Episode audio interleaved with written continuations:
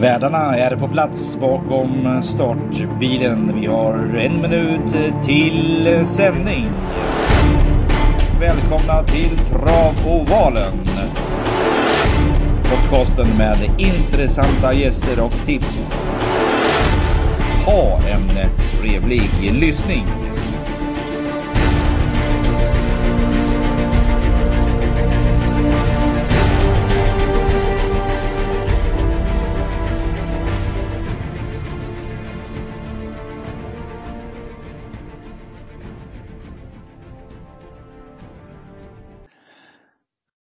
Ja men då så, då har det blivit tisdag faktiskt och eh, vi ska få stifta bekantskap med en eh, både travprofil och galoppprofil. Och jag hälsar dig varmt välkommen till travvalen, Julian McLaren. Sa jag rätt nu?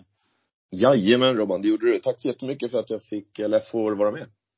Ja, nej men det är vi som ska tacka. Det, det är nämligen så att jag, eh, vi kommer komma in på det. Jag har ju fått en liten ny eh, fetisch. Jag tycker det här med galopp har blivit sjukt kul faktiskt. Så att vi ska avsluta vår lilla session här och, och prata om galoppen. Men först, mina lyssnare, de är nog lite trötta på mig efter hundra avverkade avsnitt. Ja. Vi hade faktiskt hundraårsjubileum, eller hundraavsnittsjubileum förra veckan. Och vi glömde bort det. Du ser. Det är liksom, det är hur vi funkar. Mm. Eh, nej men eh, vi är mycket mer intresserade av vem Julian McLaren är. Mm. Du får gärna börja från början. Det är fritt. Ordet är fritt. Eh, nej men det började ju redan i barnsben då. För eh, min pappa var ju galopptränare när jag föddes. Eh, min mamma höll ju också på med, med galoppen. Eh, så att eh, kan man säga, jag är mer eller mindre född in i, in i, in i sporten och eh, bodde ute, ute i Brottby, Morsta gård, mina första tolv år i livet. Eh, det var ju den perfekta uppväxten. Då kan man ju springa runt precis hur man ville. Aldrig, man var aldrig i vägen för någon, kanske någon traktor. Eh, så att det var ju liksom, ja men vi hade ju hur mycket mark som helst att bara springa och, och leka på. Men det, sen minns man ju mycket väl alla de här Morsta julmarknad som, som bedrevs varenda vinter, eh, första helgen i december och det var ju också en stor happening. Det var ju väldigt in med folk så att det är också sådana här minnen som man har ifrån barnsben och eh, Nej, jag kan faktiskt säga när jag var sju, åtta år, då ville jag ju, var min högsta dröm att jag skulle bli bonde. Mm. Jag började ju, mm. jag började åka väldigt mycket traktor där med bönderna och höll på att plöja på åkrarna och tyckte att jag var lika cool som dem och ja, sen var jag tvungen att börja snusa också men när man är sju, åtta år då, då är det inte läge att snusa, då vet man inte vad det är de snusar. Så jag tog deras tomma snus, snusdoser och plockade i lite sten istället. För jag tänkte att det, bara man har någonting under läppen så ser man ju cool ut så att Men jag fick ge upp ja. med det ganska snabbt. Det var, det var inte läge att snusa som sjuåring tydligen, eller åttaåring. nej, det var, det, nej precis. Och, och jag kommer ihåg det där, hitta någon snusdosa så, så testar man den och så mådde man illa i ganska länge. Ja, fast jag testade att, faktiskt aldrig riktigt snus. Jag körde bara stenar, men det, ja. ja. ja. Men sen så, ja, sen var det coolt att vara bonde utan snus också så att, eh, men eh, Sen har det bara fortsatt. Eh, jag var faktiskt rädd för hästar. Eh, jag, red, jag hade en egen ponny i alla olika storlekar så att jag red ganska mycket på min ponny då, eh, tillsammans med de äldre hästarna. Men hon var så jäkla smart så att henne ramlade jag av varannan dag ungefär. Så att intresset svar, blev ju rätt kallt där och man tyckte det inte var lika kul när man bara ramlade av. Så att, men, men jag lärde mig väl säkert någonting där också då. Ja. Du hoppade över käpphästen och gick direkt på levande hästar? Ja. ja. Jag, jag, jag, tog tag i noshörningen direkt liksom. Ja, exakt. Eh, det, det, är lite intressant det där. Det, det, är något nytt som har kommit. Jag vet inte om det har, Det fanns i alla fall inte när jag var liten, men det är väldigt populärt idag med käpphästar. Det är otroligt populärt. Nu vet jag inte om du har följt nationaldagsgaloppen någonting, men oh. Oh. Vi, men det är ju, käpphästracet är ju väldigt populärt kan jag säga. Och det är, ja. det finns ridklubbar, käpphästridklubbar dessutom så att det, det är en extremt stor sport som man inte riktigt vet så mycket om faktiskt. Nej, det är häftigt. Eh, så att eh, det är, den, den, den, den sporten är större än vad vi, vad vi faktiskt vet och det, nej men det är kul alltså. Om barnen gillar det så fine. Det, då, jag menar, skulle min dotter vilja hålla på med käpphästrace då, då är jag först med att sponsra henne. Ja.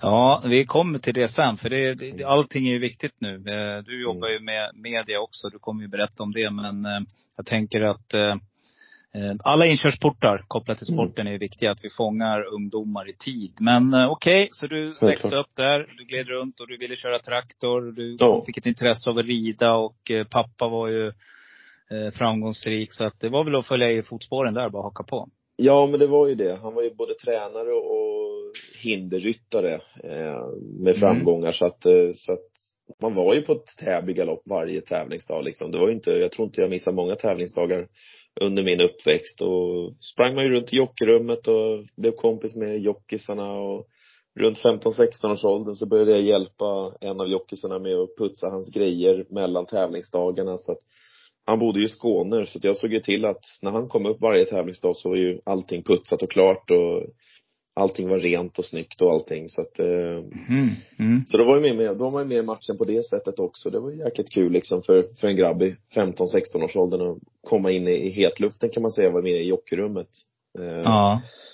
Sen dröjde det faktiskt ända tills jag blev 21, 22 innan jag eh, fattade tycke för det här med själva ridningen. Eh, hästarna har ju alltid funnits där, det har jag alltid tyckt var kul.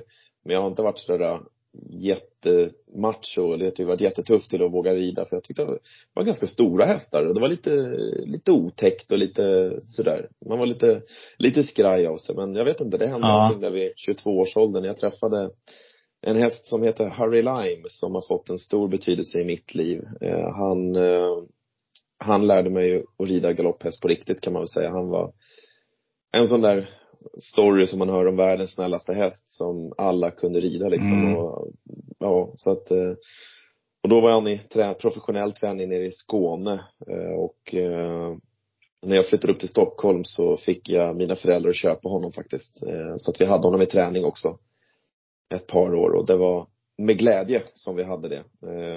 Sen så fick han gå vidare och bli en glad pensionär och nu lever han som en otroligt glad pensionär eh, ute hos Patrik Hedqvist med familj. Eh, Hovslagar-Patrik som han, som många kanske känner igen. Ja, just det. Han Ja. skor ju för väldigt många team och nu måste hos Svante Båth och Precis.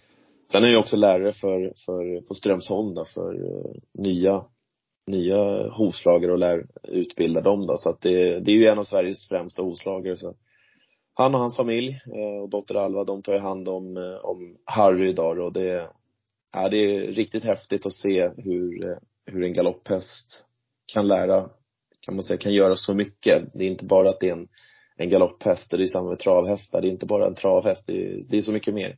Absolut. Och är du ute och hälsar på med jämna mellanrum och hälsar på Harry? Eh, jag ska faktiskt ta mössan i hand och skämmas och säga att jag har faktiskt inte varit det ännu. Men tack och lov så har de skapat ett Instagramkonto till Harry. Ja, så att ja. jag kan, jag följer honom dagligen. Ja. ja. Om du skulle komma ut nu då, så här, skulle han direkt känna igen dig då? Ja, det tror jag. Ja. Annars blir jag ledsen. Det är häftigt. Ja men det är häftigt det där. Det är som hundar också vet du. Jag är ju täran och tävlar med hundar och efter många om och men så har vi hund igen nu, en jacklabrador. Och, ja men det är precis Mm. samma med dem. De kan ju vara, de känner igen, man märker det liksom. eh, När de inte har träffat någon på flera år Mm. så känner de igen den i alla fall.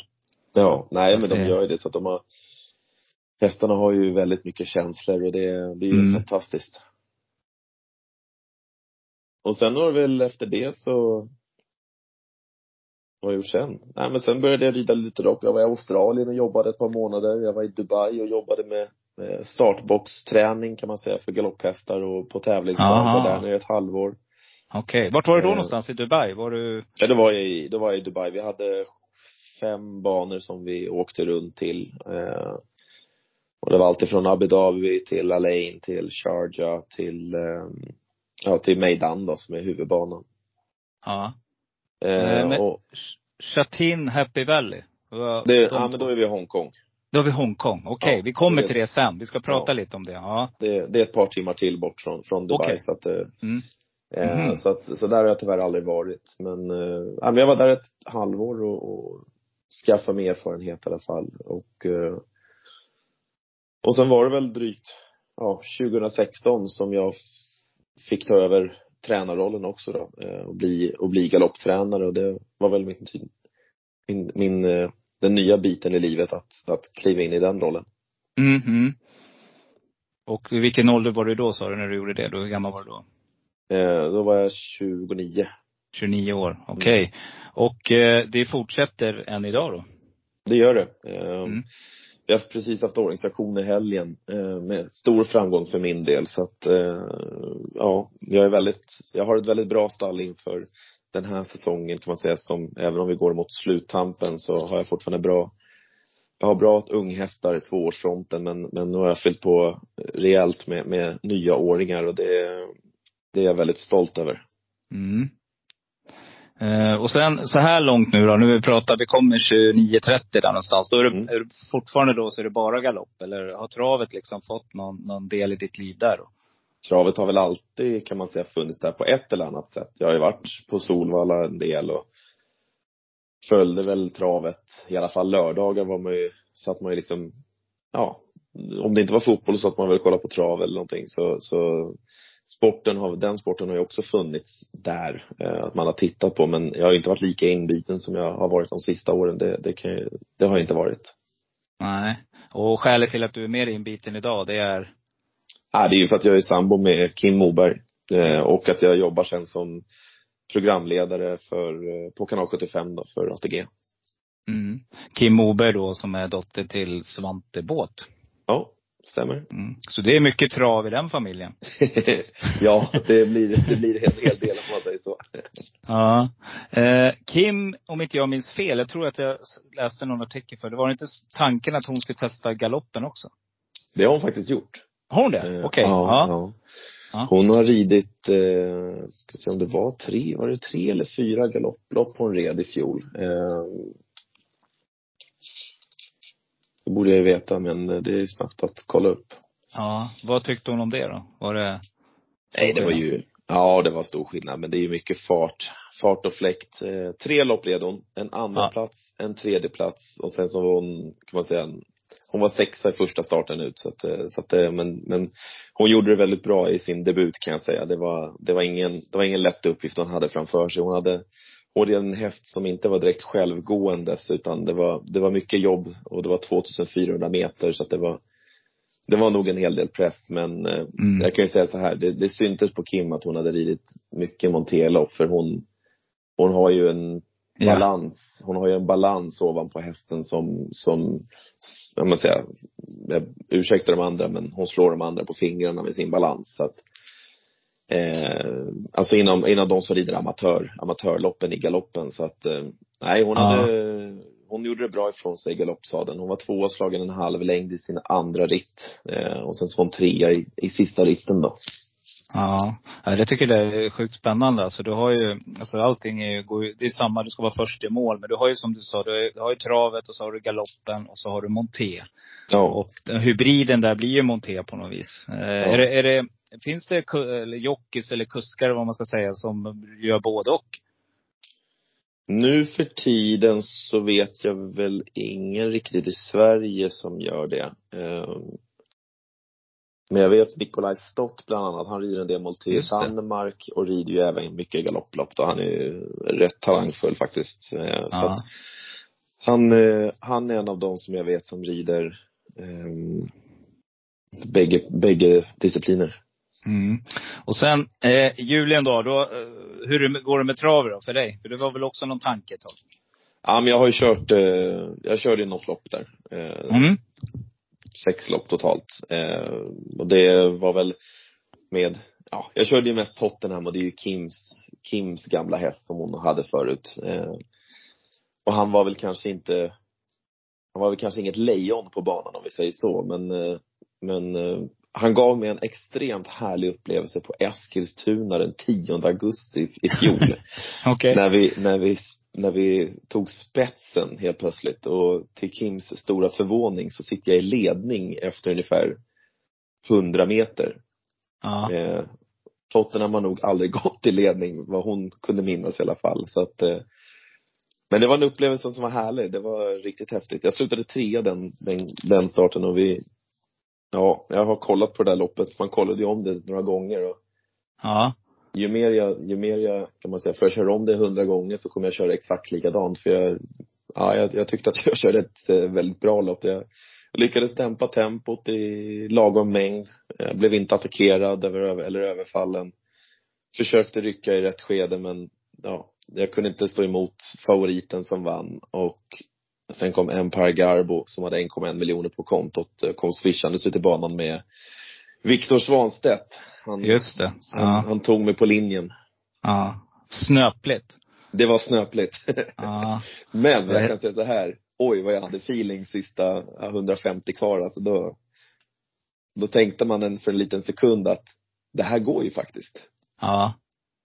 Ja, Men, eh, det, jag är, har tänkt tanken liksom. Eh, mm. Min kollega, han går ju någon travskola nu på, mm. på Solvalla. Mm. Och eh, han har insett nu att det är inte så där enkelt som alla säger. Och jag, ja, jag var, satt på Valla förra helgen och kollade på finalerna och då såg jag eh, Wäjersten han körde eh, Gunner. Mm. Eh, hur han på ett smart sätt från sitt spår tar sig ut lite grann. För att stänga den som kommer utifrån. Men det innebär ju mm. också en viss form av risk, ser man ju. När man är bakom hästarna. Och då tänkte jag så här, shit att sitta och köra i de där farterna alltså, och hur de manövrerar hästarna. Alltså, det är helt otroligt alltså. Det ser så enkelt ut på tv, men det är ju inte mm. enkelt. Nej, nej, nej det, det är faktiskt eh, mycket svårare än vad det ser ut. Eh, jag tycker att kuskarna får väldigt mycket, eh, för mycket kritik helt enkelt. För det är inte, det är inte bara svinga sig upp och köra. Jag menar jag, jag har ändå ridit många år i, galopp, i träning i galopp. Jag, jag ja. gillar fart. Jag har inga problem med farten.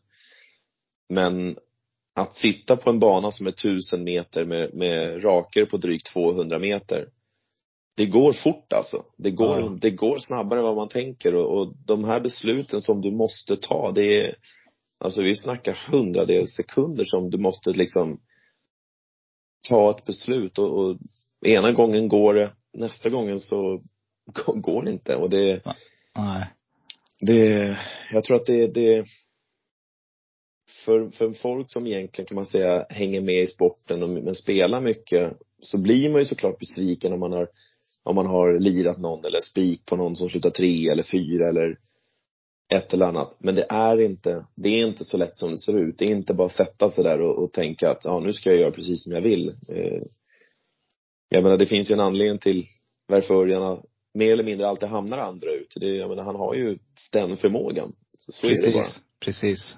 Eh, men det händer ju även den bästa. Han kör ju också bort hästar ibland på att han det, alltså det är helt omöjligt att vara på mm. topp jämt. Det finns ju inte på kartan liksom. Det, det finns ju ingen varken idrottsman eller, eller djur, om vi pratar det, som kan vara det. Utan, mm. nej, jag håller med dig. Det enda man kan bli lite så här smått irriterad på ibland, det är när någon sitter någon i spets och, och sover lite grann och glömmer mm. att kolla vad som händer. Och så kommer en sån som Ljuse och sköljer över en och mm. helt plötsligt så har man förlorat loppet på det. Det är, mm. det är väl sådana grejer jag kan bli irriterad på. Men annars har jag mm. full respekt för kuskarna. Det har jag verkligen. Alltså, jag tycker det, nej, det kan inte vara sådär. Man är nog inte superkaxig när man ligger i 1.03, 1.04 fart första 500 liksom. In i en sväng som du säger. Nej, nej alltså, och det, det, det, det går så mycket snabbare när man sitter ja. bakom hästen. Ja. Än, än, än, när man sitter och kollar på tv. Och det, det är ju klart, jag har väl också suttit hemma någon gång liksom, ja, varför gjorde han sådär? Varför gjorde han inte så? Ja. Men, men då bör man tänka, man tänker tvärtom istället. Hur är det egentligen att sitta där bakom i de där farterna? Ja. Som du eh. säger, alltså riskmoment och så ska man ta hänsyn till allting. Jag vet, när jag bodde uppe i Hälsingland så fick jag vara med om att köra kallblod. Jag vet inte om jag har sagt det någon gång i podden, men mm. då var det en häst som hette Haga Sabin som jag skulle mm. köra. Och eh, den där hästen var ju typ någon stallets, eh, inte den bästa hästen om man säger så. Mm. De hade väldigt framgångsrika kallblod i det stallet. Och så eh, skulle vi ut och åka där och så fick jag ta den hästen för den skulle vara jättesnäll. Så kom vi ut på isen och helt plötsligt får, alltså det började bara skengaloppera. Mm. Och, och Sven då som rutinerar Sven Björk, han, han liksom åker bredvid och kan liksom inte lugna hästen. Och du vet, jag ser ju bara den kom ner i trav, men så ser jag bara när stranden bara kommer närmare och närmare. Du vet, jag får mm. panik alltså. Jag sitter och kallt mm. ut. Så jag sitter och blå, alltså jag bara drar allt jag kan liksom. Mm. Och du vet, jag kan se synen framför mig. Och det bara, stranden bara kommer närmare och närmare. Och den bara, och, men sen ser ju hästen att okej, okay, nu måste jag mm. dämpa tempot lite. Men nej, det var skitläskigt alltså. Då kan, du, då kan jag tänka mig på en bana där det är mycket trängre och allting. Så att, nej. Full respekt, håller med dig. Men du, eh, det här med när du tog över tränarrörelsen också, det, det mm. bottnar i att eh, det var ju, du hade ju en liten tuff period där, eller hur? Uh, ja men så var det ju. Uh, ja. Det var ju, det var ju det skedde ju över en dag liksom. Det var ju att min, min far fick ju en, en hjärtinfarkt eh, och tyvärr så var den så allvarlig så att han, eh, han låg på sjukhus i ett par dagar men, men, men kom tyvärr inte ut ur det där på ett bra sätt så att eh, det det var ju en tragedi för familjen. Eh, Mm. och det var ju bara att, kan man säga, man fick ju sörja absolut. Det var ju, det gjorde man ju. Eh, men någonstans så fanns ju också hästarna där. Det var ju inte Mm. bara liksom att de var ju tvungna att fortsätta få mat och komma ut och tränas och, och den biten. Det var ju inte Mm. bara stänga, stänga stalldörren och åka därifrån. Och det, Mm. det, det har jag väl lite, kan man säga, det är väl ändå lite glad för på något sätt. För det känns som att även om man går ändå där dag ut och dag in och man har, man, någonstans är han liksom, känns som att han fortfarande är med. Ja, exakt. Ja. Så att, jag vet, eh, anledningen till att jag vet det för att jag var med om samma sak själv, jag och min bror. Ja, ja ni var Eh, det? och Pappa, ja, han dog också hastigt i hemmet i samma Mm. sak. Och eh, för oss var det, vi var tillbaka i skolan tre dagar efter det hände. Mm. Mm. Eh, vi var tillbaka i hockeylaget veckan efter. Mm. Eh, Så att för oss började det rulla på ganska snabbt och jag tror att det var bra för oss också. Vi var yngre då. eh, Och vi hade ingen rörelse att ta hand om och sådär. Men det var ju ändå det här med ensam mamma och så skulle vi tillsammans då försöka få allting att funka som det gjort tidigare och sådär. Så att, men det var tufft men jag känner precis som dig. Han är med där uppe och det Mm. känns i vissa lägen att man, ja, det, det är någonting som det är svårt att förklara. Men Rickard Skoglund hade ju varit med om samma sak. Så att när vi Mm. hade han i podden berättade han samma som dig där.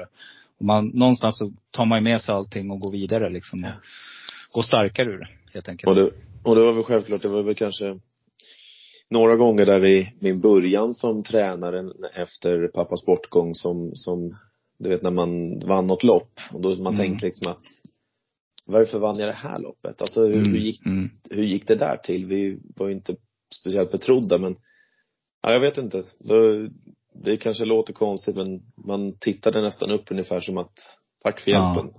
Ja. Ja, nej jag är ju likadant än. Så att, eh, och det, jag var ju jag var 15, 14, 15 när det hände. Så att Mm. eh, det är fortfarande lever med mig. Så det, så är det. Men okej, du tar över rörelsen. Du har träffat eh, Kim nu. Ni eh, lever både travlivet, ni lever galopplivet. Eh, du jobbar på kanal 75. Ja, stämmer. Är med, du är med i travsändningarna där emellanåt också. Ja, Och eh, hur många dagar i veckan jobbar du ungefär där då? Det är rätt blandat faktiskt. Jag har väl inget sådär äh, bestämt. Men, men oftast är jag med på söndagar om jag inte har starttest till exempel till, på, på Bro Park Mm. eller liknande. Då, då brukar jag oftast vara med i tv-sändningen på TV12 eh, och Mm. prata galopp. Eh, med V64 direkt om vi har. Eh, travsändningar, det brukar väl ändå kunna bli någonstans en dag i veckan kanske på kvällen som jag gör det. Så att Mm. Istället för att, istället för att sitta hemma och, kan man säga, kolla på tv eller ja, någonting sånt där. Men eller förr i tiden, jag spelade ju mycket fotboll förut när jag, i mina yngre dagar. Ja. Istället ja. för att, istället för att liksom vara iväg på tisdag, torsdag och träna match, ja men då kan jag lika gärna, eller spela fotboll på träning, då, då passar det bra för mig att sitta och jobba som programledare då, eh, någon kväll i veckan och det, det är jag väldigt glad för, för det är ju kul. Man lär sig mycket, träffar mycket folk och Mm. sociala biten är ju väldigt viktig också så att eh, det är ju bara roligt. Det är jätteskoj. Mm. Ja, ni verkar vara ett skönt gäng. Ni är en hel del som har varit med här faktiskt. Så att eh, Mm. det är eh, alltid lika trevligt att ha er med också. Eh, bra ambassadörer för, för travet. Eh, Okej, men eh, vi ska försöka eh, närma oss lite veckans V75-omgång också. Du ska få ge din syn på loppen och det blir ju du som, som leder här nu. Eh, Ja. Och sen ska vi prata galopp också. För jag är väldigt, Trevligt. lite intresserad. Ja, absolut. och, och, ja, men det har blivit, jag är, jag är, jag är stackt alltså. För att jag gillar det här att det är som du säger fullt race. Och det känns som att det är inte är lika avgörande med positioner. Och här är det Mm. tillåtet att galoppera. Och eh, jag vet inte. Det som jag tycker är svårt däremot med galopp, det är Mm. att spika. Ja, det är det.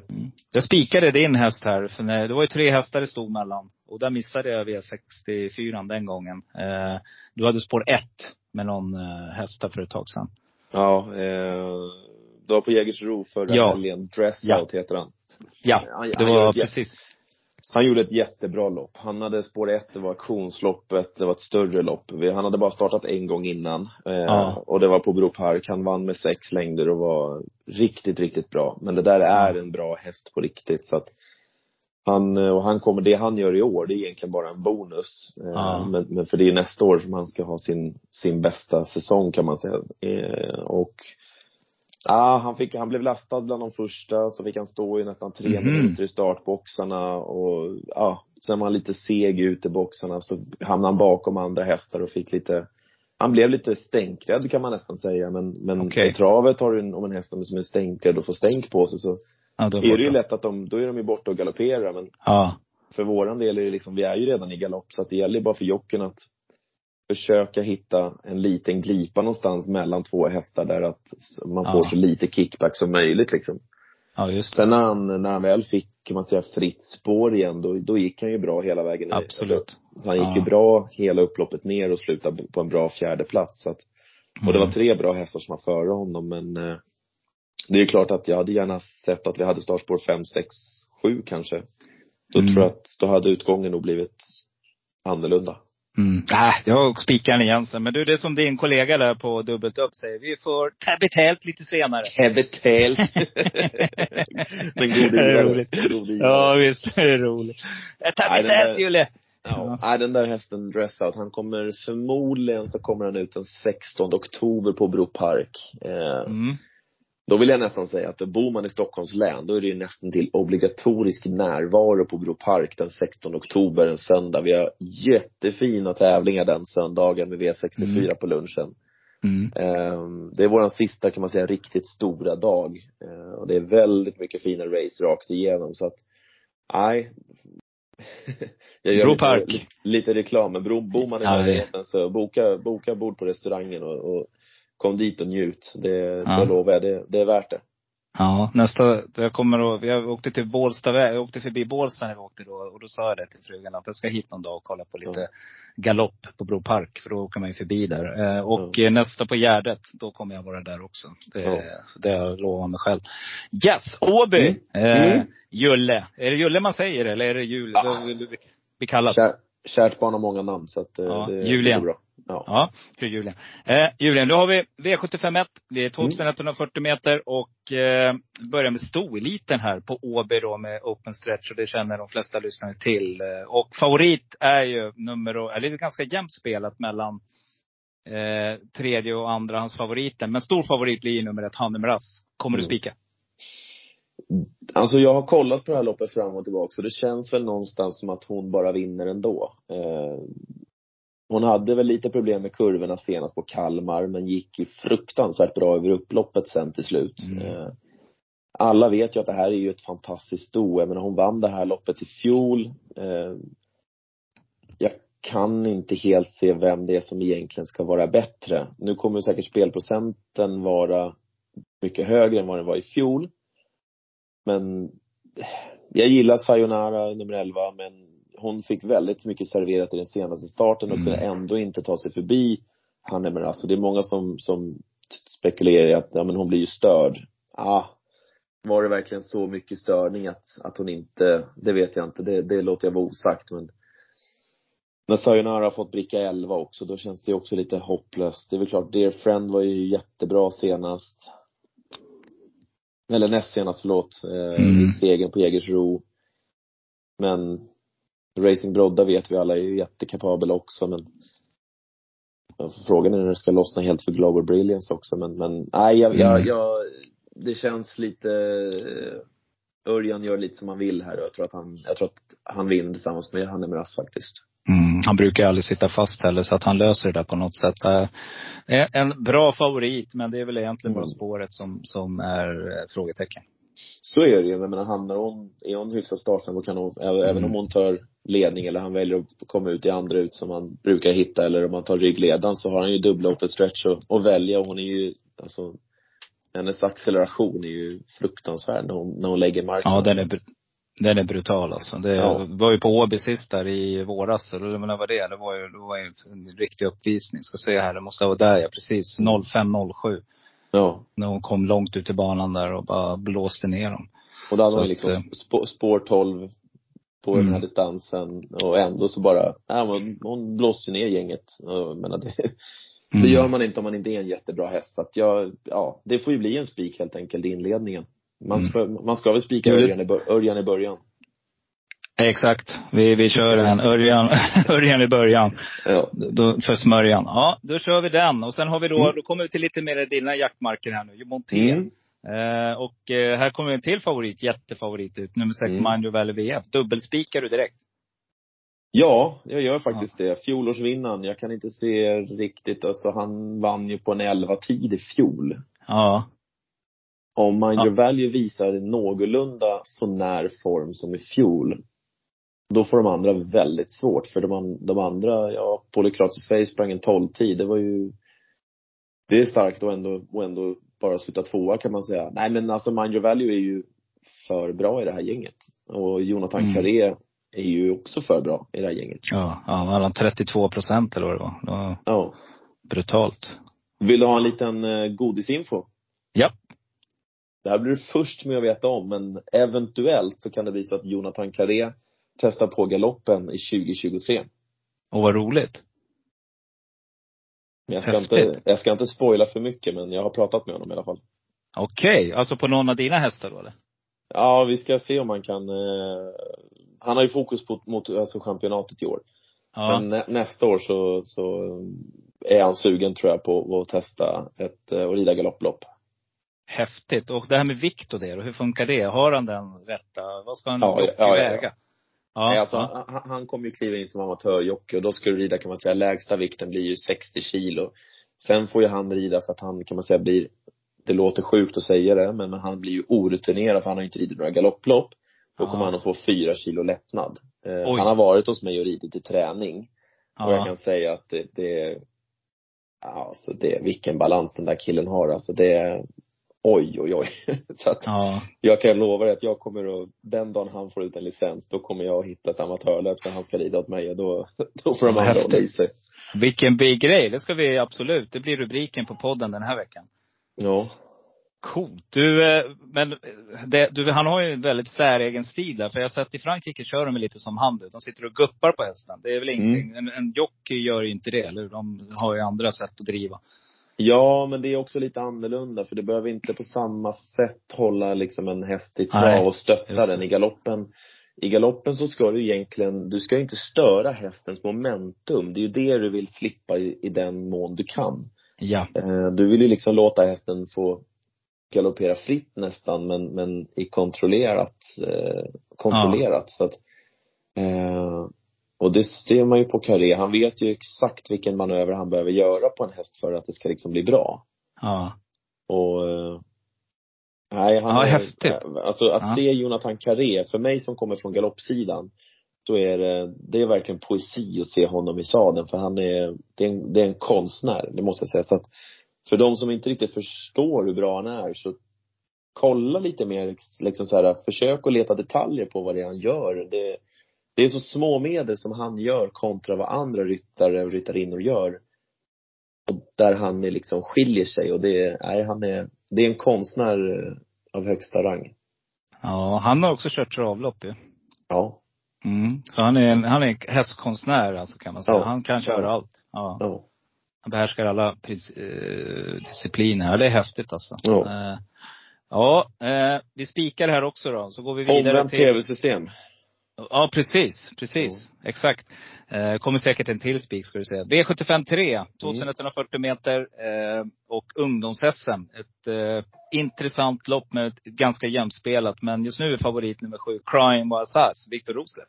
Mm. Johan Untersteiner hade ju en fantastisk inledning på den här travveckan eh, med segrar Mm. både två i Hamburg med Toto Barroso och eh, Indy Rock samt att hon tog tre segrar på Halmstad i måndag, Precis. under måndagskvällen. Så att, Så det.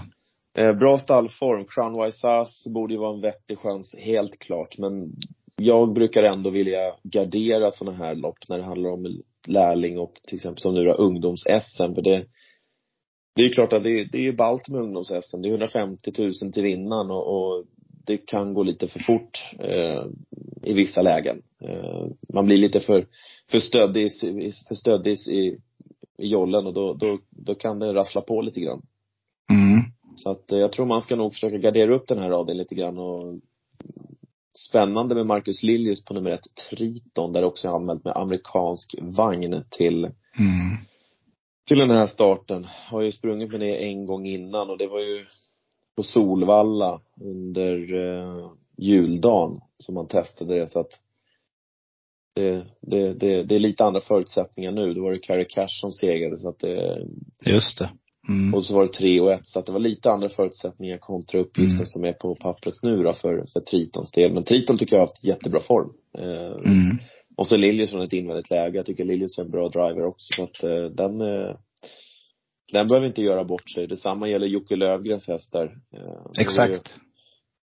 Fyra Lucky Guy Boko som Tyler Mifsud kör. Eh, nio starter bara en seger men inledde ju karriären på ett väldigt lovande vis och har ju varit ute i klart tuffa sammanhang nu på på slutet. Eh, nu testar man ju, nu är det anmält med amerikansk vagn första gången för den hästen och det behöver inte vara någon större nackdel på Lucky Guy Boko.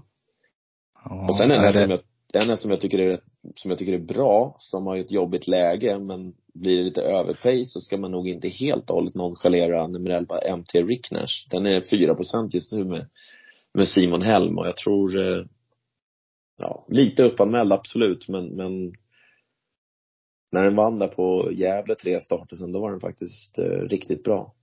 Mm. Sveberg har väl också börjat röra på sig stallet där nu igen. Verkligen.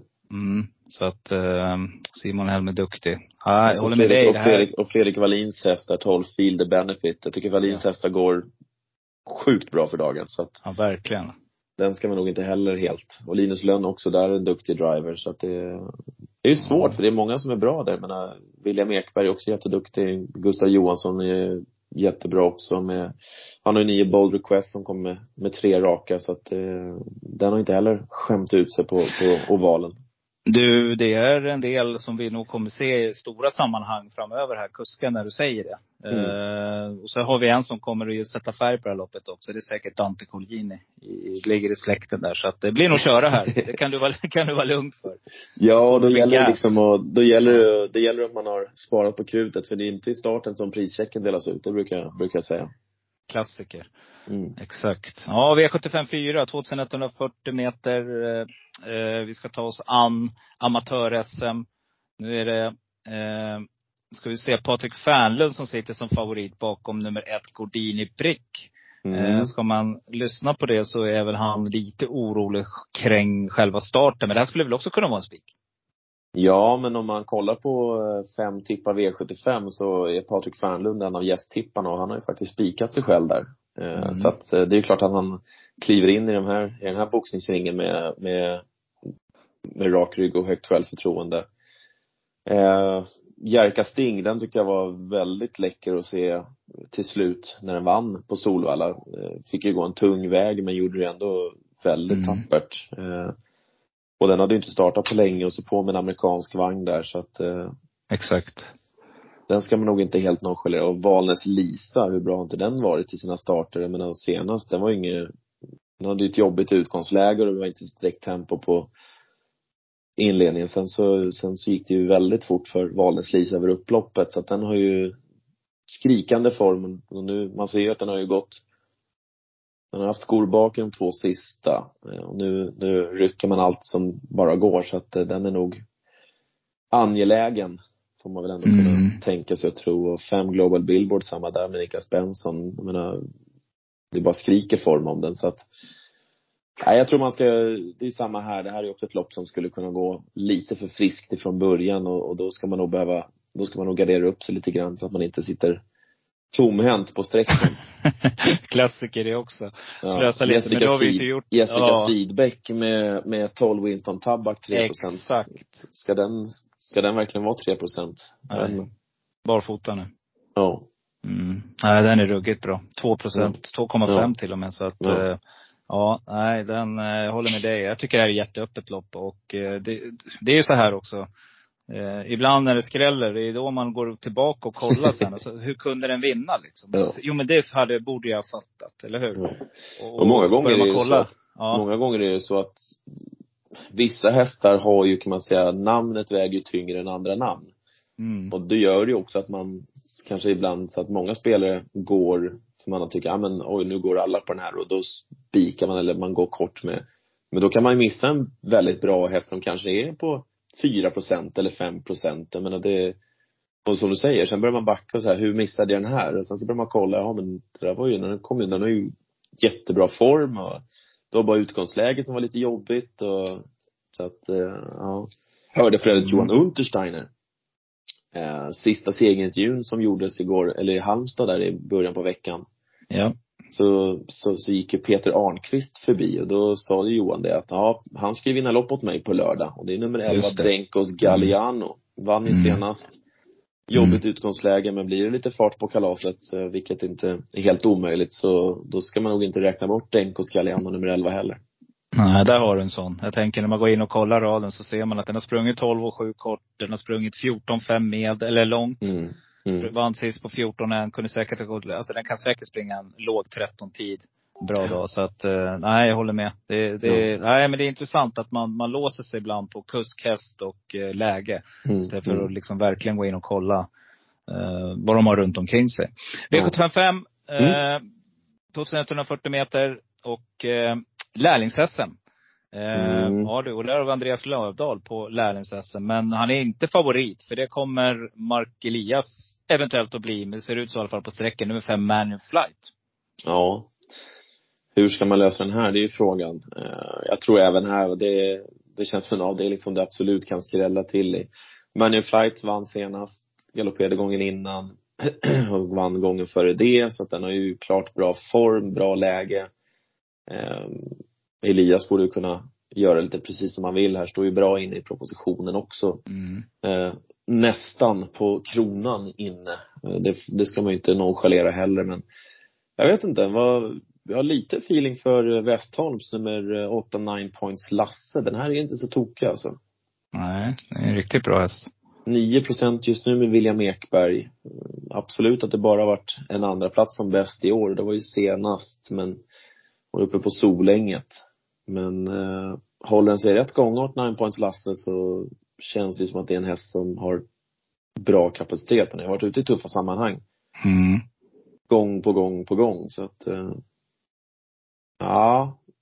Och det är samma, ja, var, 11, 11 Capital Gain CC, Kjell Blom har väl en bra vecka. Han har ju fyllt år och hade segrar på Gävle i början på veckan så att eh, det, det osar form i stallet där. Eh, ja. Capital Gain CC vet vi ju är ju, är ju grundkapabel så att eh, var ju på 11 och 3 senast på kort distans. Även om det var en snabbspringande Gävlebana så ska ju fortfarande ja. jobbet bli gjort. Ja, jag gjorde 11 8 på Mantorp som inte är lika snabb Nej. kanske. Så att, äh, jag håller med. Det är äh, intressant. Och Naimpols Lasse var ju i kriteriefinal förra. Han kvalade in dit. Så att det här är ju en kanon. Han har inte vunnit någonting mm. som fyraåring. Men det är inte, ingenting som säger att det inte blir första gången nu. Nej. I det här loppet. Ja, jag håller med. Och så Global äh, Y-kamp med, med Lövdal på ett ja. på invänd, invändigt läge. Den, det blir ju en etta som försvinner i raden och det, det är väl kanske, man kanske vill förnya den där ettan och skapa en ny. Exakt. Och eh, här har du också en häst som kan vara livsfarlig på rulle med amerikansk ja. på det. Så det, Ja, V756, diamantstot.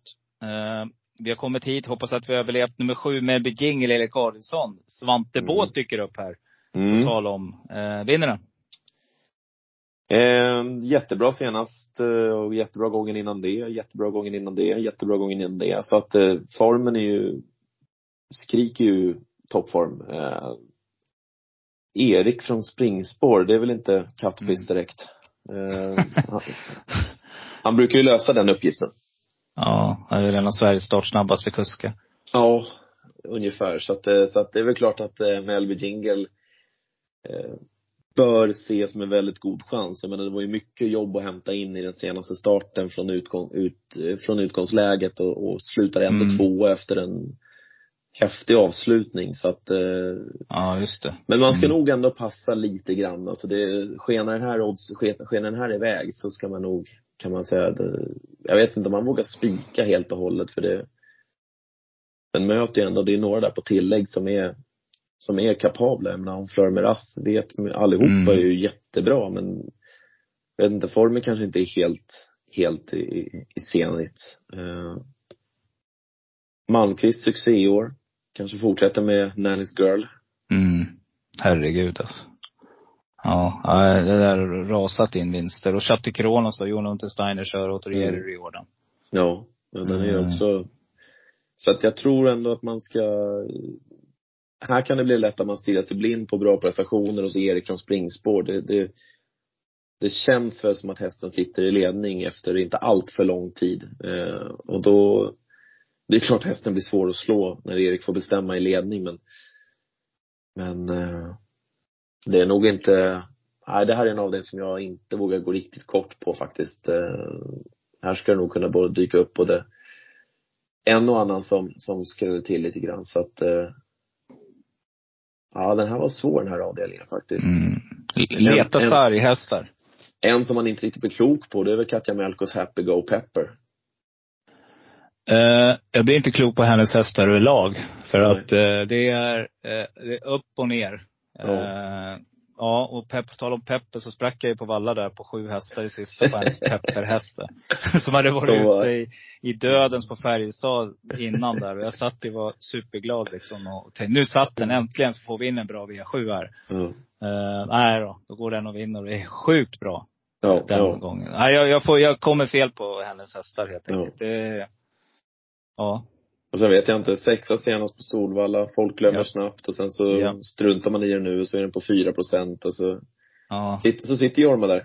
Ja, Jag menar, Jor, Jorma får ju fart på en käpphäst om man skulle behöva. ja, grym när han sitter på upploppet och metar på dem bara. Sitter Ja. och petar på dem lite grann. Ja, ja. Ja. Men det är klart, Nej. det är, det är mycket att begära. Han har ju knappt 200 på kontot så att det, det är klart att Ja. det är mycket begärt men ah, Nej men det här är en sån som vi pratade om. Det här är exakt Ja. en sån häst som mycket väl skulle kunna vinna till en 4-5 procent. Ja, ja. Så att, eh, Ja. nej jag tror inte man ska, man ska, man ska inte glömma bort den. Det, det tror jag inte. Nej, Vi tar med nummer ett också. Rose Det gör vi. Global Ja. Certificate. Grymt! V757, nu är vi där. Och eh, Olle Goops, ett ärofyllt lopp tycker jag. Eh, 2640 meter och eh, ja, vem som blir favorit här är inte svårt att lista ut heller. Det är ju före detta Elitloppsvinnaren Dom Fanucci Zet. Mm. 13,5 miljon på kontot och eh, otroligt. Alltså vilken häst det är. Alltså det är helt Ja. galet. Ja. Ehm, men man fick ju se en mänsklig Don Fanucci senast på Bergsåker, Sundsvall Open Trot. Fick ju göra jobbet utvändigt om, om eh, Moni Viking och Björn Goop som eh, styrde och ställde där framme. Ja. De var brutal sen faktiskt över upploppet. Eh, jag kan inte spika för något sätt. Eh, läget är vad det är. Det kommer säkert lösa sig för Örjan ändå. Seger eh, Segern ligger nog inom räckhåll, absolut. Men det går inte att släppa 11 Brother Bill. Alltså, hur fort gick inte det för Brother Bill senast på Solvalla? ja kusligt alltså, ser jag. Och hur fort har det inte gått i några andra starter de här, i de här, av, de, av de här sista fem för Brother Bill? Ja. Ja. ja det är ruggig form där alltså. Det Så är, nu- Smygläge, kommer åka med. Och Björn Goop. Är det till och med? Ja. Det är andra gången han har kört den en gång innan. Men Visst nu kommer han in med en häst i, en häst i form. Det känns som att Brother Bill ska man inte helt nonchalera. Jag, nej, jag, jag spikar Örjan i början men jag garderar han i slutet. Ja, ja. Och eh, nummer fem är ju Nico Broland då. Hur bra är den? Alltså, Mm. man märker på Erik Adelsson när man får höra segerintervjun hur mycket han tycker om Unico Broline. Det, Ja det värmer, även om man inte har en annan anknytning till hästen, men det värmer ändå att höra hans ord om Unico Broline. Så att det, det ja, den är, den är riktigt bra och det är ingen som kan förneka det i den senaste starten heller, så att eh, den ska man också se upp med. Och fyra Oscar LA, eller LA. Ja. Den är också väldigt kapabel så att eh, den vill man också ha med. Så att, eh, ja, fyra hästar. Det, menar, det, vi vet att det blir fart på det här loppet. Oracle Tile vill smita till ledning. Mm. Ja, det är läskigt lopp. Jag håller med. Det är, det är sånt där lopp som skulle kunna eh, storskrälla också om Mm. det vill sig illa eller väl. Det beror på hur Ja. man sitter kletad här i sista loppet. Nej, Nej, så fy- fyra hästar får väl ändå bli. Det får väl bli Oscar LA, fem Unico Broline, åtta Don Fanucci och elva Brother Bill. Mm. Ska du få en superstänkare här som jag kommer nämna sen också. Oh. för din jag brukar hitta såna här helt galna och så spricker jag på en favorit liksom. Det är, det är jag känd för. Men, nummer 10, Bo, Bose, Bosse. Mm. Eh, Petter Karlsson, skrällkusk, amerikansk vagn, barfota runt om. Den här glömmer man bort. Och finns formen där, mm. någorlunda. Jag tycker att det börjar bli rätt lutning här nu. Ja, jag säger, alltså Håll your horses säger jag när han kommer där på upploppet mm. alltså. Och slipper göra jobbet själv. Det är en sån där jättesusare jag vet. Mm. Men det är 0,24 procent och jag, jag tar med den som ett kulstreck. Ja, varför inte? Förutsättningarna är roliga i alla fall. Ja, ensam den kvar. Den möter ju, nej, ja precis. Ja. ja. Du, eh, men då har vi mm. fått in V7 här och så ska vi bege mm. oss på söndagen, så ska vi bege oss till Jägersro galopp. För det är ja. ju din, eh, nu är det ditt största gebit här och eh, galoppen. Eh, men innan vi gör det så mm. måste jag bara då göra reklam för, för samtidigt på morgonen där så brukar jag slå upp gluggarna, ta en kopp kaffe, sätta mig och kolla på Chatin. Ja. Eh, ja men det är galopp, Julia. Alltså det är helt galet alltså. Du vet, de här mm. kuskarna nu, vad, vad heter de nu? De heter Purton, eh, Moreira. Moreira eh, Silvestre Sosa ska man se upp med. Ja. Vincent Ho. Ja, Vincent Ho. Oh. Nej, det är, det är Harry Bentley också. Det, ja. nej, men de och är... roliga lopp. Full fart, ja. det skräller här. Och det är ofta storskrällar som blir tvåa. Du kan få in fina komber och, och tvillingar mm. och om du liksom hittar rätt. Du kan även få in rätt fina, fina vinnarodds. För jag menar, hittar du en vinnare där som du tycker står i tio gånger. Det spelar ingen roll om Lek med, lek med tanken att du går in med med 10 000. Du kommer inte ja. att ändra oddset kan jag säga, för de har en omsättning på vinnarspel på drygt 20 miljoner per lopp. Så att, Exakt. Sen har du plats kan, tvilling på det. Ja, ja, ja. Så att du kan ju spela egentligen hur mycket du vill utan att egentligen, alltså det är en, blir ju som en liten piss i Mississippi när man spelar. Ja, små liksom, bananer så. när man lägger en hundring. Ja. en hundring på det där liksom. Det, ja, nej men det är intressant. En, en, en, hundring i Sverige, då har det gått från 10 till 4 gånger ungefär. Så. om man är på, ja i alla fall om man är på viss, om man spelar i Skive. Ja, exakt, ja, exakt. I, i Danmark. Att, ja, nej men det är intressant för att de omsätter ju nästan, vissa lopp omsätter ju lika mycket som V75. Ja. På ett lopp. Ja, nej men det är helt, eh, det är, det är orimligt. Det är, ja. ja, det är häftigt. Och det är det häftiga sändningar. Häftiga ja, sändningar tycker jag med de här experterna där som sitter och pratar. Hon, ja. tjejen där, jag kommer inte ihåg vad hon heter, men hon är ju ruggigt duktig alltså. Ja. Eh, och sen så är det ju, sen så är det, det man ska veta faktiskt när det kommer till galoppen i Hongkong, det är att överskottet på spelet, det går tillbaka till samhället, mycket till skola, vård och omsorg. Eh, och det är faktiskt väldigt fint tycker jag. Eh, Aha. Aha. Så, så det ska man ändå ta med sig att, att, att de, de det går, det går mycket pengar till skola, vård och omsorg ifrån, ifrån spelet på, på Hongkong. Kanske någonting för oss att ta efter. Inte helt omöjligt. debatt. Ja. Vi, ja men det visste jag inte, att det var så. Jag hade ingen ja. aning om. Nej men det hade ju varit trevligt. Vi betalar ju mycket det, det, går ju mycket till staten här när man, när man lägger ett spel liksom. Det, så är det ju. Och de pengarna skulle man ju kunna förvalta på ett annat sätt kanske. Ja. Nej, tips för er. Det är Chatin det onsdagar från, skiftar mellan Happy Valley och Chatin. Jag tycker det är fantastiskt roliga spel och, och framförallt så är det härliga odds. Och det är fart och fläkt och det är, eh, ja och så håll, håll utkik efter Moreira, Zac Purton. Det är väl de två ja. som jag brukar lira. Och sen är det ju så med, med, med, när det gäller till Hongkong och galoppen därifrån. Det är ju handikapplopp som vi pratar om. Jag menar det, då har du ju en handikapper eller ett system som ser till att meningen är att alla hästar ska sluta jämnt, jämsides i mål. Ja. Och det är väldigt ofta vi, vi har målfoton med tre, fyra, fem hästar som gör upp om seger eh, med små marginaler. Du kan vara sjua slagen en halv längd och gjort ett kanonlopp. Men då har ju också handikappen eller handikappsystemet gjort det väldigt bra. Precis. Det är mycket ja. det galoppen lever på. Vi lever ju mycket på handikapplopp liksom och det, då har du ju den här handikappen som ska se till att det, det blir jämna och rättvisa lopp. Mm. Och sen kommer vi då, sen lite senare då på mm. söndagen, mm. eh, som är mycket hästsport. Så är det då, dels så ska man ju då fortsätta då med att ta och kolla på Dubbelt upp, där du är med i det tipsprogrammet. det, det rekommenderar jag varmt. Det är faktiskt kul. Ja, eh, ja det är riktigt skratta. Ja. Eh, ett härligt par. Och, det är mycket eh, humor, men det är bra tips också. Ja, nej jag gillar det. Tycker det är klockrent. Eh, och eh, har, du någon, har du ett par spikar du kan bjuda på då till galoppen här? För att eh, vi ska ju då bege oss till Jägersro ja. som sagt. Eh, på V64 1, det är en amatörhandikapp över 1730 meter. Det är en ganska normal distans. Eh, det är medeldistans i galoppens värld. Vi tävlar på Kort distans, då pratar vi drygt 1200 meter. Medeldistans, då är det mellan 16 och 1730 meter. Lång distans, då pratar vi om 2000 meter och uppåt. Eh, mm. Gardera första avdelningen. Det, det är jättesvårt att plocka fram en första häst i det här loppet, men ja, jag vet inte vart man egentligen ska vända sig. Desert Dust nummer fem vann senast på Göteborg.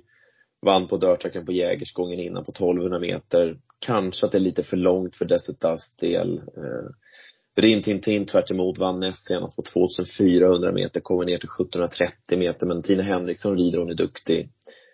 Elin Alin vinner mycket lopp. Hon sitter upp på nummer tre, Come What May, ett treårigt sto som eh, har börjat visa bra form och trivs på distansen så att ja, man ska nog gardera den första avdelningen. Det finns ett par, det finns ett par hästar här som, som håller bra, håller jämn klass faktiskt. Eh, Sju Tough Love har gjort det jämnt också.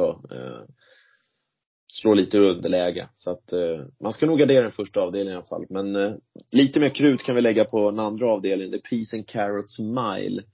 Där vi får se några av Skandinaviens bästa medeldistanshästar. Vi får bland annat se Wolf of Vancouver som Jakob Johansen rider för Junior Reuterskiöld, Lennart Reuterskiöld Junior. Eh, mm. Den här hästen var tvåa i svenskt galoppderby i fjol. Vi rider ju derbyt som treåringar kontra travet som man rider som fyraåringar. Precis. Ja. Eh, torska på ritsen, målfoto uppförstorat och det visade att eh, Strox Kallras hade satt nosen först. Eh, här ska man också se upp med, det här är en jättebra häst. Eh, nu går alla hästar med lika vikt. Eh, så att det här är inget handikapplopp. Då kan man ta ett plustal, då ska du ta handikapptal minus ridvikten och då får du ett plustal. Så till exempel då tar vi Wolf of Vancouver nummer två, den har 92 i handikapptal, ska bära 59 kilo och då får man ett plustal på 33 poäng. Mm. Eh, och då kan man börja kolla, okej, okay, hur ser det ut de andra hästarna? Plans Upstream nummer tre, stallkamraten, den har också 33 poäng, men den har svårt att besegra Wolf of Vancouver.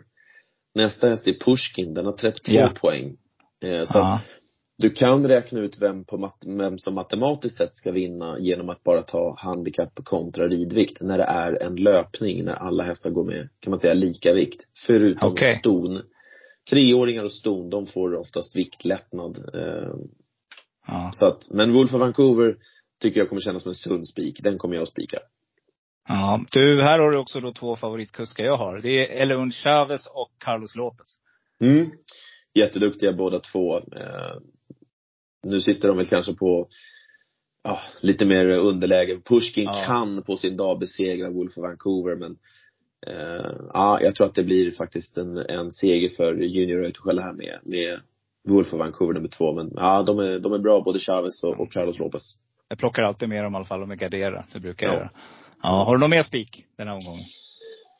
Inte den tredje avdelningen. Den tredje avdelningen ska du ta exakt alla hästar. För det är, okay. det är järnlöpning och det är för hästar som inte vinner så ofta. Eh, vissa av dem har svårt att hitta till vinnarcirkeln. Eh, så att här ska man nog eh, verkligen gardera upp sig.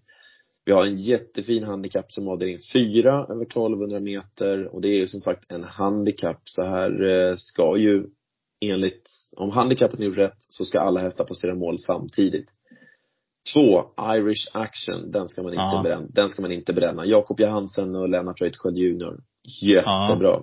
Ja. Det är också ett sånt där par, har jag fattat, som ja, går bra ihop. Han är, ja. han är ju första jockey där, så det är ungefär som Örjan ja. Daniel Redén. El Guanche nummer ett, startsnabb som bara den. Den sitter i ledning. Sen är frågan om den håller undan hela vägen. Det kan den absolut göra. Eh, fyra Mountain håller på att utveckla sig och ta sig in i eliten, men den är kanske att den är lite för kort i rocken mot, mot Irish Action och El Guanche skulle jag tro. Mm. Eh, sen har vi ett jättefint lopp i den femte avdelningen. Skånska fältridsklubbens jubileumslöpning, 165 000 till vinnaren. Det är ett listed lopp. Ett black type-lopp. Vi har ju sådana i både trav och galoppen, att det är listed. I galoppen har vi listed, grupp 3, grupp 2, grupp 1. Här har vi faktiskt Darby tvåan som dyker upp i fem Steinar, en tioåring som möter äldre hästar. Bland annat ja. nummer ett, Strox Kallras, som vann derbyt i fjol. Um, tufft lopp. Suspicious Mine, är inte den bra också? Den är ruggigt bra. Suspicious ja. Mine är en av de högst handikappade hästarna vi har i Skandinavien. Nio år ung, kommer med två raka segrar. Ja. Älskar Jägersro. Den här är jättebra. Vinner man det här loppet så passerar man 6 miljoner intjänat och det är, för de som inte förstår galopp så är det otroliga bra, otroligt bra siffror. Ja. Eh, så att den är jättefin och som sagt det här går ju då med, med lika vikt allihopa så att eh, men Steinar är bra. Den är, den är rejält bra faktiskt. Den var grym när den vann sin senaste start över 2650 meter så att jag kommer nog att ta med Steinar ändå. Eh, ja. Ungdomlig entusiasm Precis. mot, mot eh, de äldre, de äldre ja. farbröderna. Så att. Exakt. Det är som i studion där. Så ja. att, eh, ja. V764 har vi sista Ja, där, där, får ni, där får man gardera på. Ja. Det är anybody's race, lite mer eller mindre. Så att det där får man nog gardera på rätt friskt vad, vad plånboken bär. Eh, det får väl ändå säga. Ja. Men sex Seattle Blossom är ju kapabel häst, absolut. Absolut. Mm. Härligt! Vi har gått igenom och ja. fått en liten snabb genomgång här. Borde starta en mm. podd för uh, galopp. Ja, det saknas. Ja. Jag tror det är så faktiskt att folk spelar ju inte speciellt mycket på galopp. Men det är väl för att man kanske tycker att det är så svårt att lära sig. Det, man förstår inte när man läser programmet men Ja. Nej, jag vet inte. Sätter man sig in i det där lite grann så är det inte så, det är inte så svårt som det, som, som, som man säger. Jag menar, det är många som börjar spela på trav och det är många som börjar liksom köpa en Harry Boy innan man sätter sig in i, i, i matchen. Mm. Och jag tror att mm. det är lite så för galoppen också, att man, skulle mm. man jag menar skulle, skulle du ta med dig fem kompisar och, och ni sitter på Bro Park vid, och samma bord som mig i, i fem tävlingsdagar, då kommer ni att förstå lite mer också hur man spelar på galopp. Såklart. Ja, så det handlar ja. ju, det handlar ju om ett intresse från, från, kan man säga, från, från publiken. Ja, nej men jag, jag slår ett slag för galoppen. Jag tycker, jag, jag tror det. Ni, ni är någonting på spåren det känns som att det har utvecklats mm. också. Det är på väg tillbaka. För det var ju väldigt mm. stort, som du sa förr, på Täby galopp och det. Så ja, att, ja. Eh, någonting håller på att hända. Och det är mm. du, du, med några till ju, som får helt enkelt dra tåget och vara de här ambassadörerna. Och, och mm. ja, precis som vi har travet har vi några som också är väldigt fram, framåt i rutan liksom. Så att, eh, fortsätt med det goda arbetet. Det ska vi alltid, absolut göra. Ja, och, vi, vi ger aldrig upp. Nej, precis. Vi kämpar på, tar dubbelt betalt. Så, eh, tack för att du var med i podden. Tack så jättemycket Robin för att jag fick vara med. Ja. Det, var, det, var, det var en ära. Ja, supertrevligt. Och eh, du kommer du säkert få, om du vill, vara med igen längre fram. Det ställer jag gärna upp på. Kul. Ha en bra kväll och eh, var rädd om dig. Tack detsamma. Ha det bra. Hörs vi. Tack, hej. Bra. Hej. Det går bra nu. Pengar rullar in som det ska. Det går bra nu. Hennes limoett i mitt glas. Det går bra nu. Rysk kaviar mitt fat. Det går bra nu. Det går bra nu. Kompis, det går bra nu. Pengar rullar in som det ska. Det går bra nu. Grabbarna är med när jag drar. För det går bra nu. Släng upp en hand om du känner det, det går bra nu. Det går bra nu. Kompis, det går bra nu. Bra. Då är det dags för solklar och tänkbar ensam kvar. Favorit i repris helt enkelt. Eh, hoppas ni hade en trevlig lyssning tillsammans med eh, mig och Julian McLaren. Och Eh, ja, gillar ni avsnittet så gå gärna in och tyck till på Spotify eller vilken nu spelare som ni än använder. Tummen upp vore jättetrevligt. Eh, det hjälper oss att eh, ja, få det är betalt. Det är den betalning vi får helt enkelt. Så att det vore trevligt. Hur som helst. Jag ska gå igenom eh, loppen utefter vad jag tror och tänker och förhoppningsvis ger ett par riktiga stänkare till på lördagen här. Eh, så jag börjar bakifrån som vanligt. Ingen skräll. Vi börjar med nummer 8 Don Fanucci sett som solklar. Min tänkbara. Det blir nummer 5 Unique Broline med Erik Adielsson till 13 procent.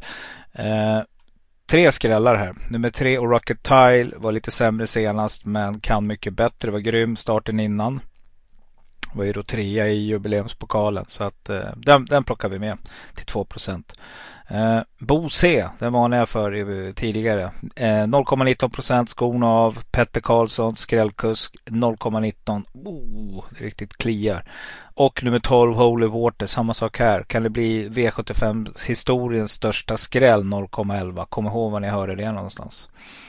V75 6 så blir min eh, solklara nummer 7 Melby Jingel springspår Adielsson. Det är därifrån han vinner. Så att den plockar vi med 37 procent. Eh, men jag tycker att nummer 1 Global Certificates med Viktor Roslev helt klart ska den med till 5 procent. Plocka även med nummer 2 Bo Veriface Kevin Oskarsson till 1,8 procent. Eh, och nummer 11 Global Virgin Magnus Jakobsson 1,19 och nummer 13 Chatti Kronos Johan Untersteiner till 7. Som är min, för övrigt min, ja tänkbara tillsammans med eh, nummer 1. där. Så att eh, ja, det är intressanta hästar. Tror att det kan smälla här. Ni som har råd, måla på ännu mera.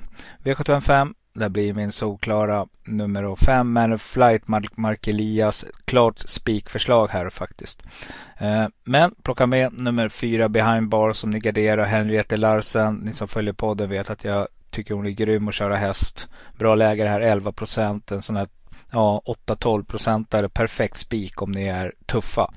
Eh, Garderar ni, ta med nummer ett Global Viscount, Andreas Lövdahl 1%, läget på Åby och nummer 9 Vasco de Gama med Linus Lönn till 1,4%. Ulf Torssons häst, den här är på gång. Den är mycket, mycket, mycket, mycket bättre än 1,4%. Den vinner oftare i det här loppet, det kan jag lova. Mm, V754, min solklara, det blir Eh, nummer fem, Global Billboard med Niklas Benson. Ja, jag tror att den vinner helt enkelt. Den här är riktigt bra. Magnus Jakobsson tränar den här. Eh, bra läge. Eh, barfota runt om. Också en roligt spikförslag. Garderar ni, plocka med nummer 10 Jerka Sting som blir min tänkbara med Göra Åkerfeldt 11 och eh, ensam kvar hästar då. Nummer 12 Winston Tabak barfota runt om Jessica Siebeck 1,3 procent och nummer 2 Harry MG Mikaela Rydberg till 5 procent. V75 3 solklar med nummer 9 Bold Request Gustav, Gustav Johansson. En riktigt duktig kusk som kommer att tillhöra eliten här eh, många, många år framöver. Eh, min tänkbara nummer två Gilmore Trott Jill Ivarsson till 7,6 procent och ensam kvarhästar nummer 6 Boss Design Malte Handfast till 2 procent. Nummer 11 MT Rick Nash Simon Helm till 2,5 procent och nummer 12 Feel the Benefit Linus Lönn 1,14 procent. Fredrik Wallin tränaren. Mm, v, V75 2 ja, eh, Solklar nummer 6 Mind Your Valley VF eh, Speak Eh, garderar ni, plocka med nummer fyra Linus Boy som har en, en ny period i sitt liv här tillsammans med Montea. 11 procent på den. Alenberg Almas kör. Eller rider ska man säga. Nummer ett Infinitus blir min första eh, ensam kvar häst. 8 i och för sig men jag tycker ändå att eh, det, det rensar ordentligt om man, om man får bort favoriten här. Eh, plocka med nummer 7 MT Joanville, Jenny A. Björk, duktig att rida 2,4 och nummer 10 Uncle Töll som har varit ute i tuffa gäng i Frankrike faktiskt i Monté. Så att eh, mm, den här 1,7. Det är riktigt intressant. V751 såklart nummer 1 Hanimiras hittar han bara ut som vi sa i podden då vinner han. Men till 50 procent så är det min solklara. Men nummer 4 Racing Brodda. Oj oj oj. Här är riktigt kapabel och hon verkar löpsugen igen. 11,7 procent min tänkbara. Nummer två Global Brilliance får bli min första skräll här. Och ensam kvar häst 1,9 procent med Magnus Jakobsson. Jag tar med nummer 9 Nina Ginto som har ett perfekt startspår. Inneritsen här 0,3 procent. Eh, gick bra sist, gick 11,0 då. Räcker långt här. Och nummer 10 Iceland Fall med Kevin Oskarsson till 1,2% Yes mina vänner, då får vi se nästa vecka vad som händer då. Det kan bli ny gäst eller om det blir bara jag och Eriksson. Vi får se, den som lever helt enkelt. Men eh, tills dess, ha en trevlig helg, var rädda om er där ute. Och eh, ja, säg som vanligt, håll till godo.